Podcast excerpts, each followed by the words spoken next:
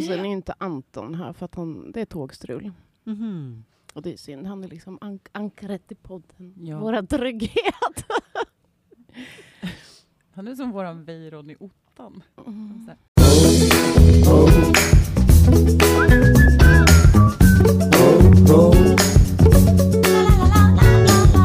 Hur tänkte ni där? Efter gårdagens långa färd mot natt och kommunfullmäktige skulle fatta beslut om Västerås stads budget inför 2024 så har vi ändå samlats här i poddstudion igen. Hur tänkte ni där? En rolig podd om politik. Med oss i studion idag så har vi Matilda Antonsson. Hallå, hallå. Vi har också som vanligt, fast ovanligt och välkommen tillbaka till Tanja Karpinen. Hello! Hallå! Jag heter Maria Kesselring och vi är inte själva idag utan vi har med oss en eminent gäst här i studion. Så varmt välkommen till Åsa Eriksson. Hej och tack! Vad kul att få vara här med er. Ja, men verkligen. Du är ju lite omdebatterad som socialdemokrat nu. Du har ju skrivit en bok, ehm, Ett farväl till Bullerbyn. Frågetecken måste jag lägga till. Mm, Där. Det är viktigt. Frågetecken. Mm. Um, men innan vi pratar om din bok så ska vi ta en pytteliten presentation om dig. Åsa Eriksson kan sägas vara PK, som är präktig kvinna. Riksdagsledamot, djurälskare, hästälskare och curlingproffs. Åsa Eriksson är den ultimata PK, en präktig kvinna som jonglerar politik, djurälskande och, eh, och sport med en osannolik elegans. Hon är den enda riksdagsledamoten som kan skriva ett lagförslag, mata sina katter och landa en perfekt curlingsten och allt detta innan klockan slår nio på morgonen. Åsa är en enastående blandning av bibliotekarie, MMA-fighter, curling champion. Hon diskuterar social rättvisa med samma passion som hon diskuterade den senaste hästskon eller curlingtekniken. Ehm, Åsa har en superkraft i sitt arbete för jämlikhet och rättvisa. Och allt detta görs med en touch av glamour och tack vare hennes ikoniska glittrande broscher. Sen om det stämmer eller inte, det är en annan fråga. Hon brinner för demokrati, jämlikhet och skattesats. Plus en häst med namn Valfrihet. Och som den curlingentusiast hon är, äh, har hon även en specialdesignad curlingsten som hon kallar lagförslaget. Det går inte att undvika att nysa av imponerande om du är allergisk mot katter, hästar eller jämlikhet. Och hennes drivkraft en outtröttlig tro på att saker och ting kan bli bättre. Eh, och eh, som man brukar säga, låter det vara osagt om det är sant, men om du inte är en del av lösningen så är du en del av problemet. Så var beredd på att antingen debatteras under bordet eller svepas rakt ut ur curlingrinken. Så, välkommen Åsa! Tack så mycket. Vilken spännande presentation. Det var, det var första gången jag har fått den typen av presentation. Ja, och det enda var så här, ja, vad kan jag säga om Åsa? Hon har ett hästintresse, fast det är inte ett intresse. Hon är besatt. Ja, det är sant. Det var det värsta vi fick till. Att du är besatt av hästar. Ja, islandshästar närmare Mm. bestämt. Så Åsa, hur länge har du tänkt på att skriva boken innan du satte dig ner och liksom... Hur var resan från tanke till handling? Och då står vi här, eller vi, du står här idag som författare. Ja, det ärliga svaret på hur långt det var från tanke till handling, det är nog ungefär kanske typ två timmar. För det, jag hade inte tänkt att jag skulle skriva någon bok. Eh, men för ungefär ett och ett halvt år sedan så frågade Tiden, Tankesmedjan Tiden, som är förlaget, om inte jag kunde tänka mig att skriva en bok. Och då sa jag nej, det kan jag inte. Jag har ingenting att skriva om och jag kan inte skriva någon bok och jag har inte tid att skriva bok. Eh, så det, nej, det får någon annan göra. Och då sa Maria Arkeby på Tankesmedjan Tiden, vad synd. För vet du, det är så många män som vill skriva politiska böcker. Och det är ju jättebra. Men det är alldeles för få kvinnor som skriver politiska böcker. Och det var liksom att trycka på rätt knapp. För då, det, så kan vi inte ha det. Eller hur? Det måste vi göra någonting åt. Och då får väl jag försöka bidra då. Då var du igång. Då var jag igång. Och det är väl kanske det där, om jag är besatt av islandshäst, ja det är jag, men jag är framförallt besatt av att utveckla och förändra och göra världen bättre, både i smått och i stort. Och jag tycker att man själv måste försöka vara en del av lösningen, som du sa.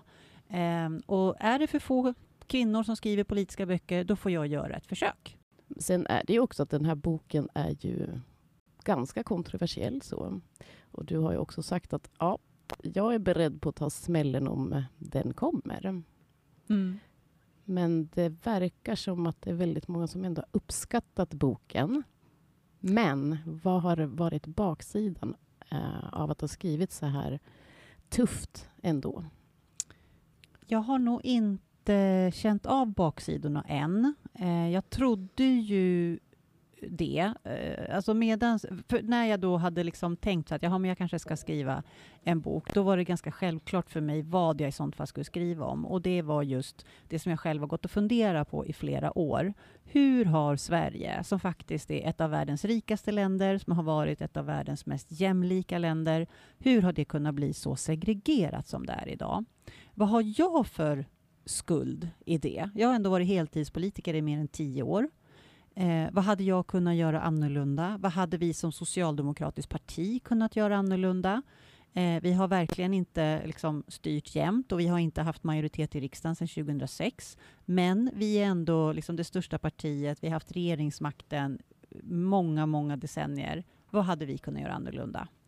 Eh, och det har jag försökt liksom, utröna i den här boken. Försöka få svar på en del av mina egna frågor. Eh, och när jag väl hade börjat skriva så kände jag att jag kunde inte sluta.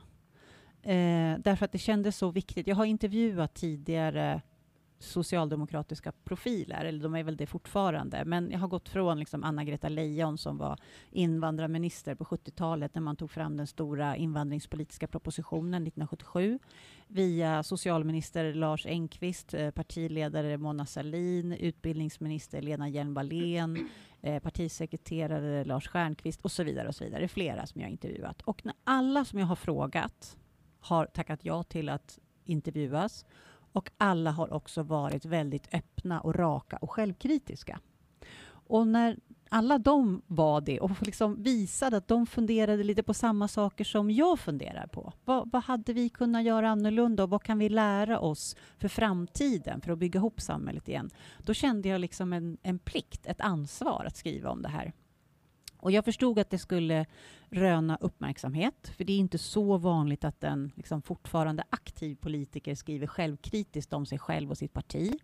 Eh, jag skriver också om frågor som är väldigt laddade. Det är inte så laddat att skriva om att inkomst, inkomstklyftorna i Sverige ökar. Det gör jag. Eh, det är inte så laddat att skriva om eh, att liksom, marknadsskolan bidrar till det segregerade samhället. Det gör jag. Men jag skriver också om migration och integration och hur de hänger ihop. Och det är ju väldigt laddade frågor. Så där förstod jag att jag skulle få uppmärksamhet och, och en del kritik. Men det kändes så viktigt så jag tänkte att jag måste bara göra det här. Jag, jag kan liksom inte backa. Hur tänkte ni där? Men jag tänker jag har en fråga, för jag har inte läst boken. Så, men jag har en lyssnarfråga om boken. Spännande. Ja, eh, där man tar upp eh, att eh, de allra flesta polisen träffar i gängen är andra generationens invandrare. Och då kommer frågan, funkar det då att förklaringsmodellen att det är sedan 2015 som det verkligen har gått åt skogen? Eh, nej, det tycker inte jag. Eh, och jag hoppas att ingen som läser boken tror att jag menar det heller. Eh, utan jag försöker peka på ett antal olika saker som eh, vi har gjort och inte gjort. Jag tycker Lars Engqvist säger det väldigt bra. Han var socialminister eh, tidigare och jag frågade honom liksom, hur ser du att socialpolitiken har förändrats? Och då menar han att han ser ett skifte i början på 90-talet eh, där han menar att fram tills dess så var Socialdemokraternas viktigaste fokus klasskamp och minska klassklyftor. Eh, och det har vi fortfarande med oss. Det är ett mål som vi alltid har. Men han menar att i början på 90-talet så skiftade fokus istället mer till valfrihet eh, och mångkulturalism som ett fokus i sig. Um, och det tror jag att han har rätt i. Det är flera andra som, som stärker liksom, hans uppfattning där. Och det jag menar är att det hade kanske inte varit liksom, fel med varken valfrihet, att öka valfriheten i, i, liksom, bland offentliga utförare, och det är inte fel med, med mångkulturalism heller, om vi samtidigt hade haft en plan för hur ska vi ändå hålla ihop samhället? För det är ju ingen socialdemokrat som såg framför sig att vi skulle ha Academedia som lyfter miljarder av våra skattepengar från barnens skolor. Eh, och, och, det är ingen socialdemokrat som vill se ett heterogent samhälle som inte håller ihop, där vi idag har mängder med människor som upplever att de inte är en del av samhället, som upplever ett samhällsförakt, som tycker att det där andra, det som man liksom ser på tv och skrivs om i tidningarna, det är inte för mig. Eh, det tror jag, det, det är liksom om man ska travestera det här berömda, vi såg det inte komma. Nej, för vi, vi, vi tyckte att valfrihet inom skolan, det skulle vara gulliga Waldorf eller Montessori eller föräldrakooperativ.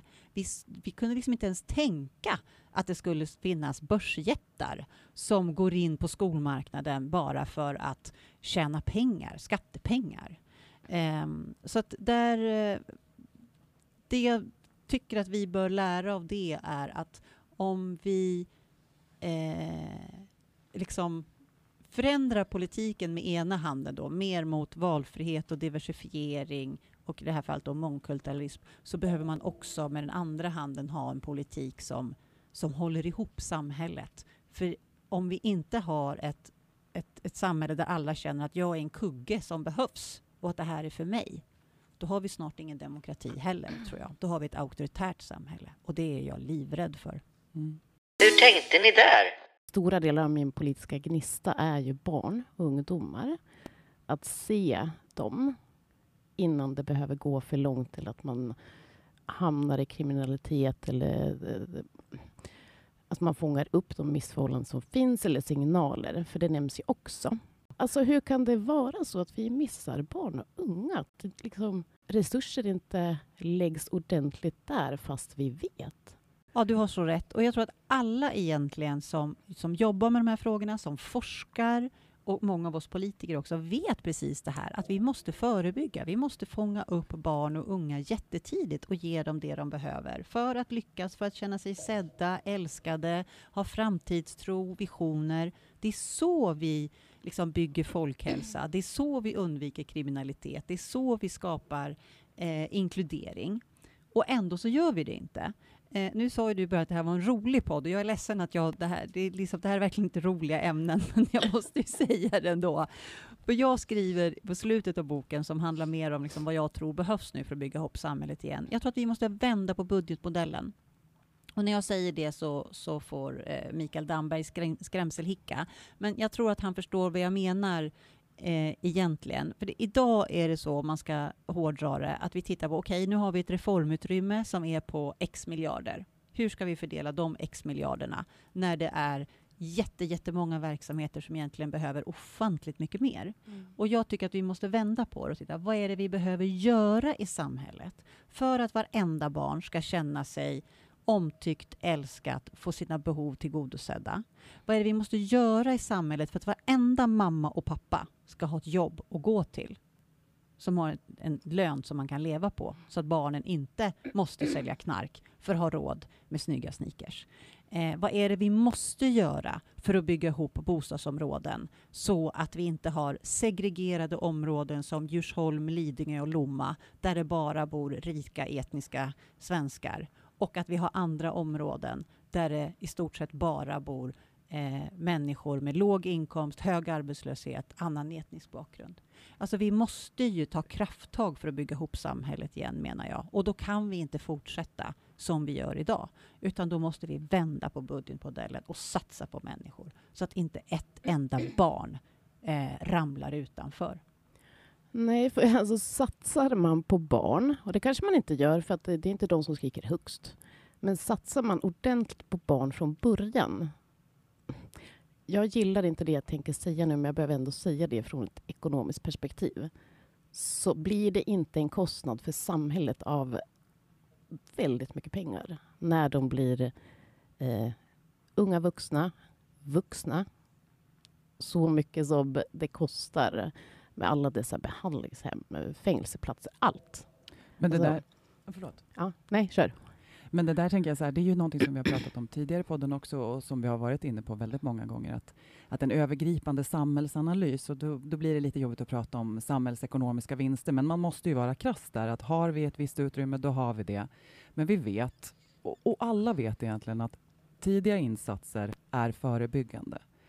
Det gäller oavsett om det handlar om skolresultat. Vi vet att lägger man en krona liksom i förskoleklass så motsvarande insats eller resultat kommer att kosta eh, det sjudubbla tror jag liksom redan på mellanstadiet och liksom än mer och sen avtar effekten. Men ibland så saknas den helhetsbilden, alltså hela samhällsanalysen för att man väljer att liksom dela in politiken i olika områden. Men allting hänger ju ihop. Bostadspolitiken hänger ihop liksom med skolresultaten. Skolresultaten hänger sen ihop med alltså med vården också. För det vet vi, alltså, vi ser ju det nu, alltså hur det ojämlika Sverige, det segregerade Sverige, slår oerhört hårt i kortare livslängd. Alltså alla faktorer som man behöver titta på. Och där tänker jag att förhoppningen nu är väl att fler och fler politiker inte tänker stuprör, utan att man tänker övergripande oavsett om det gäller en kommunal budget eller en nämndsbudget eller om det gäller liksom på, på regional eller på, på statlig nivå. För det, det kan jag som inte är så gammal inom politiken ha saknat vissa år, att, att det har inte varit en helhet, utan det har varit olika liksom, rör man har tittat i, trots att det inte fungerar så ute i verkligheten. Ja, du har så rätt. Och jag, jag skriver om det också, både om att jag tycker att man behöver jobba mycket mer eh, alltså tvinga myndigheter att jobba mycket mer tillsammans. Jag skriver om FINSAM-modellen till exempel, som jag tycker är ett sätt. Jag tycker man behöver bredda det till många fler områden. Jag tycker också att vi måste styra våra myndigheter så att man jobbar runt individen. Istället för att individen slussas runt och säger jaha, här kan du få hjälp med A, B eller C. Ja, fast jag behöver ju hjälp med det. Jaha, tyvärr, det kan inte vi erbjuda här. Eh, alltså det, det är så kontraproduktivt, det är så idiotiskt. Hur tänkte ni där? Ju mer jag har lyssnat nu när vi liksom har suttit och diskuterat både utifrån boken men också hur politiken förs idag. Är det klasskampen? Är det att vi har släppt den frågan så pass mycket som gör att vi faktiskt sitter här ändå och gett för mycket fokus till de andra bitarna? För jag, frågan är komplex. Men om man ska se det till helheten så låter det ju som att det är där det har brustit. Jag skulle vilja säga att det är en av de viktiga bitarna, tror jag, där, eh, som, där vi, jag tycker att vi behöver vara självkritiska. En annan, eh, en annan del i, i, i självkritiken eller självreflekterandet som jag också tycker mig ha sett när jag har intervjuat i boken, det är att vi eh, för länge hade självbilden av att vara ett 50 parti som kan genomföra de stora nödvändiga reformer som vi vill göra. Eh, och när vi då med ena handen har haft till exempel då, jag tar igen det här valfrihetsreformen i skolan eller EBO-lagstiftningen, att du som asylsökande eh, ska få bosätta dig var du vill. Eh, vilket ju rent mänskligt inte alls är konstigt att man tycker att människor ska få bo var de vill och att man söker sig till släktingar och landsmän. Men vi vet ju nu att det har bidragit till en förödande segregation på sina håll av min, som socialdemokrater med ena handen har varit för den här typen av valfrihetsreformer så har vi inte haft makt och mandat i riksdagen att genomföra andra reformer som samtidigt håller ihop samhället. Så att vi har liksom gått i en riktning och tänkt att det här är trevligt och bra, det gör vi. Men vi har inte tänkt på att vi i sånt fall måste balansera med någonting annat som håller ihop. Eh, och, och där, det är en annan sak som jag tror att vi behöver reflektera kring. En tredje sak eh, som är för mig supertydligt. Jag ska säga så här, jag har väldigt många frågor i boken. Jag sitter verkligen inte på alla svar. Jag tänker mycket, funderar mycket, men jag vet inte riktigt alltid svaren på dem. Ja, men jag är bara jag. Jag har inte svar på allt. Det här är jättekomplexa saker, men vi som rörelse måste tillsammans tänka och komma med förslagen. Men det jag skulle säga var um, att en annan sak, någonting som jag är helt säker på och som jag skriver många gånger i boken, det är att min erfarenhet från att ha varit kommunalråd i Norberg, det är att migrationen får aldrig vara större än vad integrationen klarar av att hantera. Om den tillåts vara det, eh, som det var fram till 2015-2016, där vi socialdemokrater, för att vi bryr oss om människor, för att vi är solidariska med människor i nöd, människor som flyr, eh, ville hjälpa väldigt många. Om vi gör det i för stor utsträckning så att vi inte hinner med att integrera på ett bra sätt, då blir det varken bra för de människor som flyr till vårt land eller för alla oss som redan bor här. För det handlar inte bara om att ge människor en säng eller en lägenhet. Det handlar om att hinna kugga in människor i samhället. Både lära sig språket, men också lära sig hur det funkar. Hur du betalar på bussen så att det inte blir bråk på bussen. Hur du förstår var du ska stå i kö på ICA för att få ut ditt paket eller dina pengar så att det inte blir slagsmål på ICA. Hur vi hinner få fram eh, lärare som kan hjälpa barnen i skolan och så vidare och så vidare. Och när det blir för stor invandring på för kort tid så vi inte hinner kugga in och ta vara på människors kompetens och erfarenheter. Den som kommer hit har ju massor att liksom erbjuda vårt land och då måste vi hinna ta tag i det och kugga in den människan, hinna öppna dörrar ut i samhället. Då blir det bra för den som kommer hit och för hela vårt samhälle. Som det ser ut nu är det ju väldigt många ja, men som kommer hit med en hög akademisk utbildning till exempel. Om jag bara utgår från mig själv och mitt eget jobb som livsmedelsoperatör. Jag kan inte förklara för dig hur många ingenjörer jag har som jobbar bredvid mig på linjen som operatörer. Jag säger inte att det är något fel på att vara operatör. Vi är viktiga för att alla ska få mat på bordet. Men att komma till Sverige med den typen av utbildning känna att nej, för att den ska kunna tas tillvara på här, då måste jag börja om från början.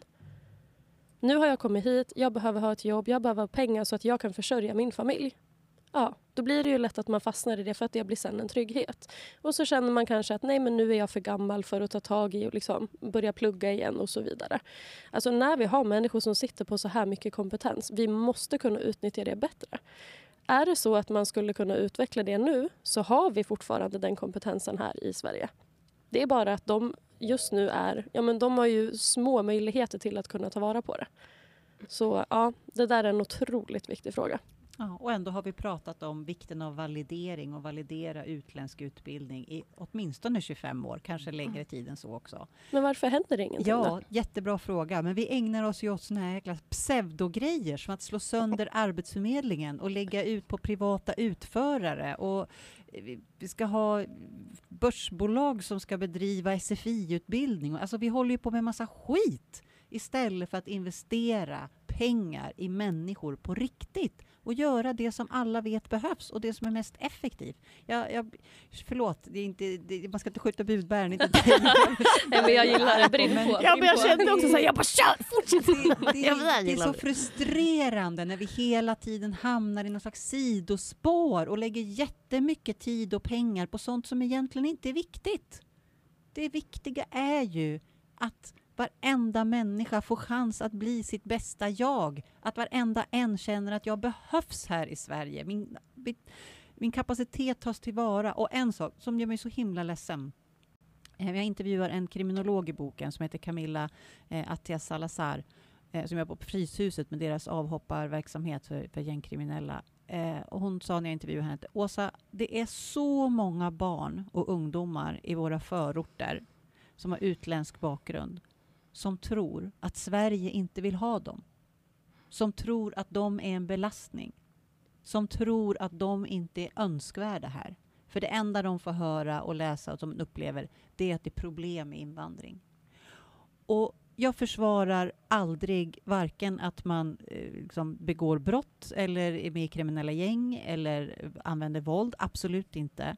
Men jag kan förstå det rent mänskliga i om man växer upp och tror att Sverige inte vill ha mig. Det finns ingen framtid för mig i det vanliga samhället. Då kan jag förstå att man vänder samhället ryggen, pekar finger och säger nu ska fan med visa er. Jag blir någon här genom att sälja knark eller använda våld eller vad det är för någonting. Så det är ingen ursäkt, det är, ja, absolut inte. Men jag kan förstå den mänskliga drivkraften. Så vi måste ju se till att varenda människa som växer upp i Sverige känner att jag behövs. Hur tänkte ni där? En person som tappar hoppet, då har vi förlorat den människan. En annan sak som de berättade, det är att en förskräckande hög andel av de här killarna som sitter på SIS-hem, som är med i de kriminella gängen, de har intellektuella funktionsnedsättningar. Alltså de är lågbegåvade. Och då är det jättesvårt att få dem att lämna gängen. För de har ju erfarit hur det är att vara barn och ung som inte riktigt förstår liksom i skolan, kanske inte hänger med i snacket med kompisarna, Man kanske blir mobbad för att man verkar liksom lite eljest sådär. Men de behövs i gängen. För där finns det enkla ut- uppgifter som de kan utföra. Kör den här bilen från A till B eller lämna den här väskan där borta eller stå här och vakta och säg till när X kommer. De blir behövda, de får en uppgift, de får status, de får pengar. Varför skulle de lämna de kriminella gängen för ett samhälle där de upplever att de inte behövs för att de inte har rätt förmåga? Och om vi inte kan hjälpa och rädda de allra svagaste i vårt samhälle, de som har intellektuella funktionsnedsättningar, vad fasiken har vi då att vara stolta över? Håller med. Mm. Och det du beskriver, alltså... Och det är någonting som jag har upplevt själv också. Ja, men med personer som jag har gått i samma klass som. Från lågstadiet upp, högstadiet ut så. Att det alla letar efter, som har den här känslan som du faktiskt beskriver. Att nej men jag är bara jobbig. Lärarna tycker jag är jobbig för att ja men jag kan inte sitta still. Eller jag är bråkig, jag är pratig, jag är det ena, jag är det tredje. Det enda man letar efter är ju ett sammanhang. Det är ett sammanhang man vill ha. Och är det då att man känner att man inte kan få det någon annanstans. Till exempel, du har inte, dina föräldrar kanske inte har råd att låta dig gå på någon fritidsaktivitet. Vad vet jag, spela fotboll, innebandy, basket. Då är det ju klart att du letar sammanhang någon annanstans. Det är inte svårare än så att förstå. Men för att man då ska kunna möta upp det här som du säger, det är resurser till skolan. Absolut. Men det är också ja, men ge resurser till fritidsaktiviteter. Ge resurser till kommuner som faktiskt kan möta de här barnen, ungdomarna på plats. Ge dem en meningsfull fritid. Som här i Västerås, vi satsar ju otroligt mycket nu just på barn och ungdomar. Även fast vi sitter i ett så tufft ekonomiskt läge. För att vi vet att om vi inte i ekonomiskt tuffa tider satsar på barnen, då kommer vi få sota för det sen. Mm. Så enkelt är det. Klokt. Jag Ja. hade väl ingen kontenta mer än det. Men jag Men- blir bara så här, jag håller med i allt du säger och det är ju så verkligheten ser ut. Och det, det är tragiskt att inte fler väljer att förstå det. Man, man blundar för det. Mm. Och så vill man skylla på någonting som kommer senare i livet. Ah, gud, nu är det du som har tagit dåliga vägval, säger man till den här ungdomen som har blivit ung vuxen. Nej, det är samhället som har svikit den från start, många gånger. Men jag tänker att vi ska knyta ihop säcken lite grann. Alltså, vad vill du skicka in? Vad vill du skicka ut till våra lyssnare? Jag eh, vill skicka in att jag har skrivit den här boken av en enda anledning egentligen. Och det är att vi som parti och som samhälle måste bli mycket bättre på att diskutera den här typen av frågor. Och inte bara diskutera utan sen också göra någonting av det. På riktigt, något modigt, något stort, bygga samhälle. Så jag skulle vilja uppmana alla, oavsett om man håller med mig eller inte, att antingen läsa boken, den finns på biblioteket om man vill det, eller den finns att köpa om man vill det. Eh, gå ihop i cirklar, eller din arbetarkommun, eller din fackavdelning, eller grannsamverkan, eller vad det nu är, och fundera på vad kan vi göra hos oss och vad vill du kräva av dina politiker att göra? För det är ju så här, att ska vi socialdemokrater kunna bygga det här samhället som jag vill se, som jag tror att vi alla vill se, men som kommer ta tid och kommer kosta resurser, då måste vi ha ett jättestarkt folkligt stöd. Mm. Vi måste liksom ha, tillsammans med våra samarbetspartier, 50 procent i riksdagen. Vi kan inte göra den här stora samhällsomvandlingen med 28 procent eller 35 procent. Det går inte. Vi måste ha 50 procent i riksdagen för att få igenom det här. Så därför så behövs alla. Inte bara när man liksom lägger sin röst, utan man behövs i det här samhällsbygget. Jag säger som Karin Götblad. Stäng av tvn. Res dig upp ur soffan och gör någonting.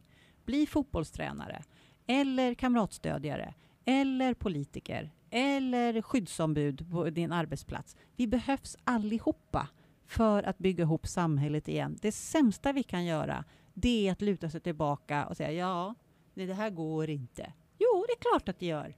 Men då behövs vi allihop. Så sätt fart. Men du, stort tack Åsa för att du kom hit. Det var jätteroligt att ha dig här. Eh, vad tyckte du själv? Det var jättekul. Bra, då tackar vi för nu och gör en liten rokad i studion. Det gör Tack och vi. hej. Tack Åsa! Tack så mycket, hej då! Hur tänkte ni där? Jag ser en energidryck här så jag antar att det är mycket liksom flum, virvar. Mm. Någon Det har rivit något. Jag har inte rivit något, men det blev inte så Jag bra. gillar ändå att på flum och virvar så bara så här, ja, jo, men jag har fan inte rivit något. Där drar du gränsen Tanja. Ja, men det var väl det. Jag tänker Fast- att du får börja Maria för att du, du är jag så vill. jävla budgetkåt. Men jag, alltså innan ni börjar, eh, jag tycker ändå det går hand i hand, för det är satsning Mm. barn och unga. Oh ja. Alltså in i Åsas. En riktig Ja, jag- Jag radioövergång kom aldrig, faktiskt. jag kom aldrig till barnen och unga. I, i Ja, ja, ja, ja, men det är sant. Mm. Mm. Det är sant. Den är bra. Men Anton kommer aldrig till barn och unga för Anton bryr sig inte om barn och unga. Anton bryr sig inte om någonting Nej, jag har förutom inte gått betong och sitt eget barn. kurser. Men hörni, ni som var på plats igår, vad var gårdagens liksom så här höjdpunkt av eh, så här, jävlar vad bra och vad var gårdagens typ så här, världens lågvattenmärke? Den solklara höjdpunkten för mig var när Miljöpartiet och Liberalerna hade en liten intern kamp om vem som hade färst väljare. Det var jätteroligt. Alltså det var, det var faktiskt hysteriskt roligt och vi satt och pratade lite om att här, det här är inte skämt vi skulle kunna dra för att då blir det liksom att sparka på någon liten. Men när Liberalerna först går upp och liksom pratar om hur, mer eller mindre hur dåligt det gick för Miljöpartiet i valet och Miljöpartiet svarar med ja, ni kanske inte ska säga något. Eh, då skrattade faktiskt hela salen. Det var kul. Ja, det var väldigt roligt. Lågvattenmärket skulle jag säga när eh, eh, SDs inledning. När de skulle förklara Va? A- SD? All, alla partiers gruppledare får liksom börja med typ, vad är det, fyra minuter och sen får alla andra partier ställa lite motfrågor Mm. på deras budget. Sverigedemokraterna, eh, de hade ju Alltså det, det var lite pinsamt. Det var som att se ett barn bara sitta och inte kunna svara på de vuxnas frågor. Men det, det var ju överhuvudtaget alla deras inlägg. De fick ju kritik så här, "Jaha, i den här debatten när det handlar om kultur så är ni inte uppe. Och det är ju klart, för ni slaktar liksom kulturbudgeten i stan. Och som svar på det, för att visa att nej, nej, nej, vi tar ansvar, så skickar de upp en kille som börjar sitt inlägg med, inlägg med att ja, jag är ju inte uppe här ofta, men nu får jag väl gå upp. Han sa ju något sånt. Mm. Sen läser han innantill från det de har skrivit i sin budget. Det här är våra mål. Precis, och bara läser innantill. Han har inte läst igenom texten innan heller, för han stakar ju sig och halkar på texten och har sig. Och sen går han ner och då tänker man så här, wow, wow, du, du är verkligen intresserad och engagerad av området som du ska upp i. Nej, Och det han valde att läsa högt eh, slutade med också att folk gick upp och attackerade för att det är inte nog med att du går upp och läser högt, du läser någonting jävligt dumt. Mm.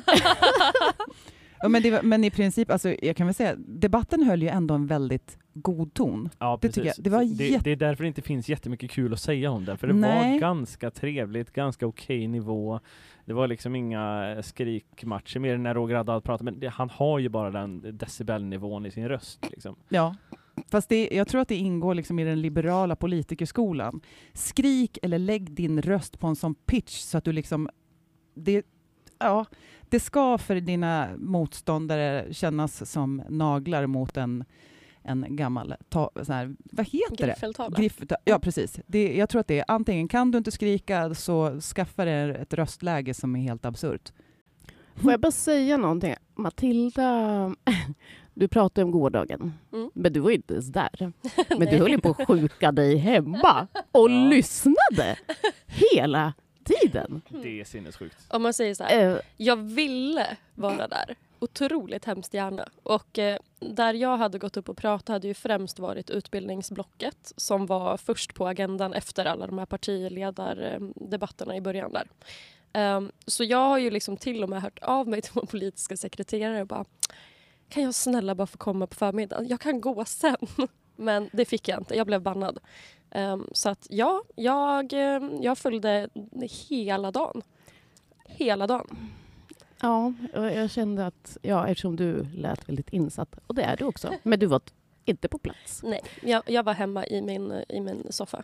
Ja, Engagemang eller psykopatbeteende, Tack. kanske både och. det var det. Sen så gillar jag då, vi har ju, vi har ju en, en våtrumsaktivist som vi ofta citerar. Jag vet inte om jag tänker citera honom här, för han, han, han gjorde Nej, ju... han, han har fått nog med utrymme. Ja, precis. Han, vi, ju- vi klarar honom. aktivitet. nej, nej, vi har ingen våtrumsaktivitet, men vi har en våtrumsaktivist som ju fick han fick ju bränsle till sitt inlägg tack vare eh, Anton egentligen, som gjorde en, en reel i podden. Det blev otroligt meta här. Ja, ot Men- otroligt. Jag vet inte hur du ska knyta ihop det här utan att jag ska mentalt klippa bort allt du säger.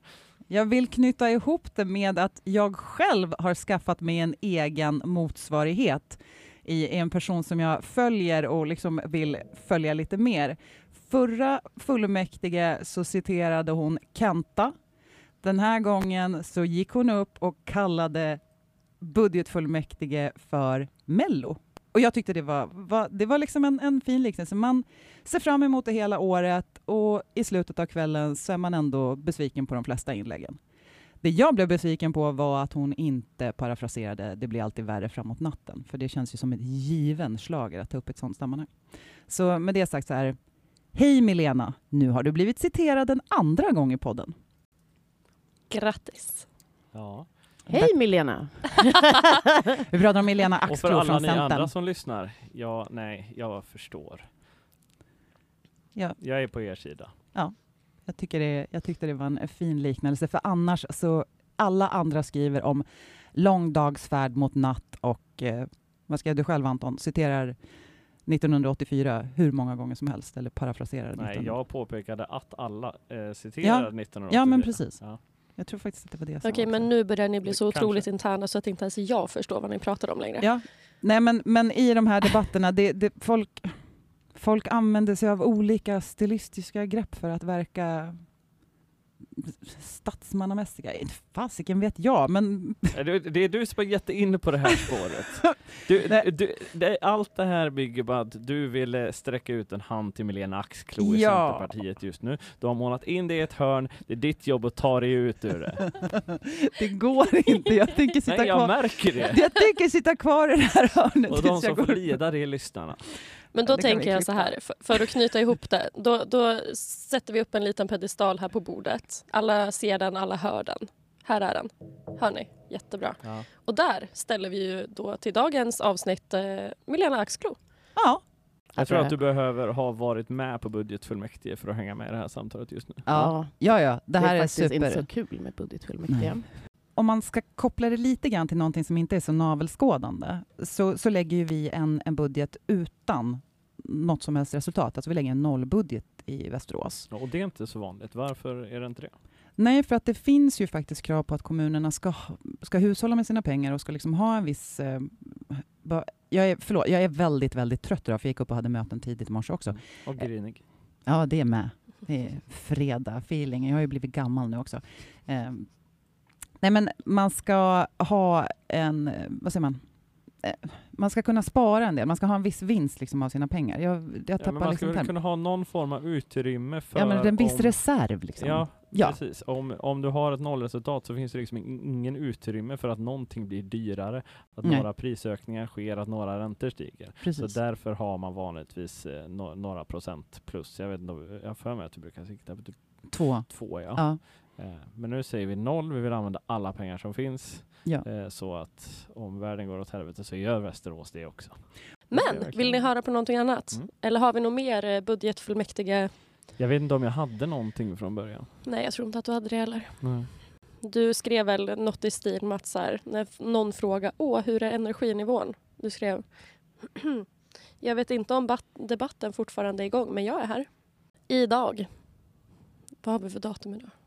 27 oktober. Idag, 27 oktober, så har IF Metall gått ut i strejk mot Tesla i Sverige. För Tesla vägrar att skaffa kollektivavtal. Det är bra.